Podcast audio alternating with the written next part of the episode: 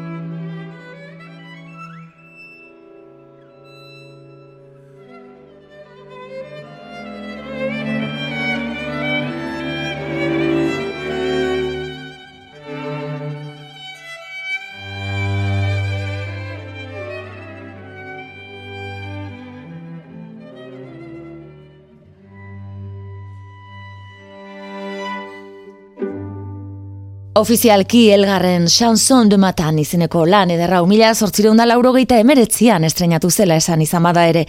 Gaur egun amarkada bat lehenago idatzia zela ziurtatua dago. Edo modutan musika klasikoaren pieza paregabea izango zen. Eta eman aldi bikaina utzi digu orengoan Bratsky Quartet laukote ingelesak. Aurretik, Bilboko akordeoi orkestra entzun dugu, guri diren 10 melodias baskasetik, festiva izenekoan. Klasikoak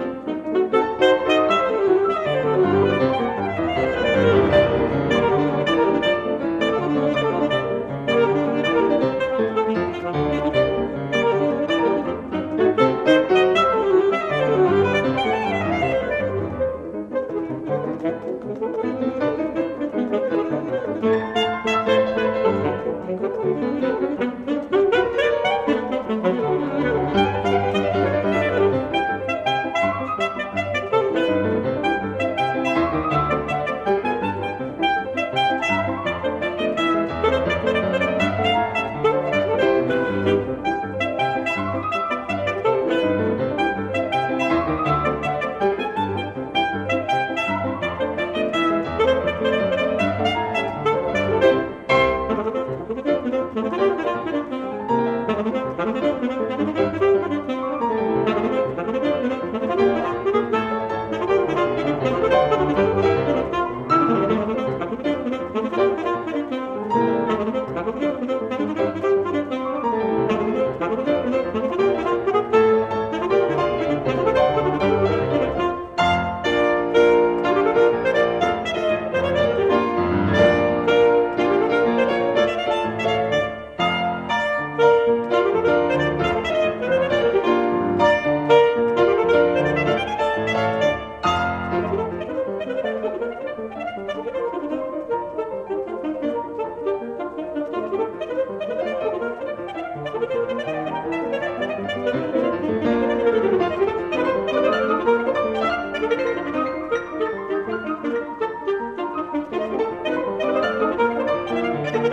Eiteben.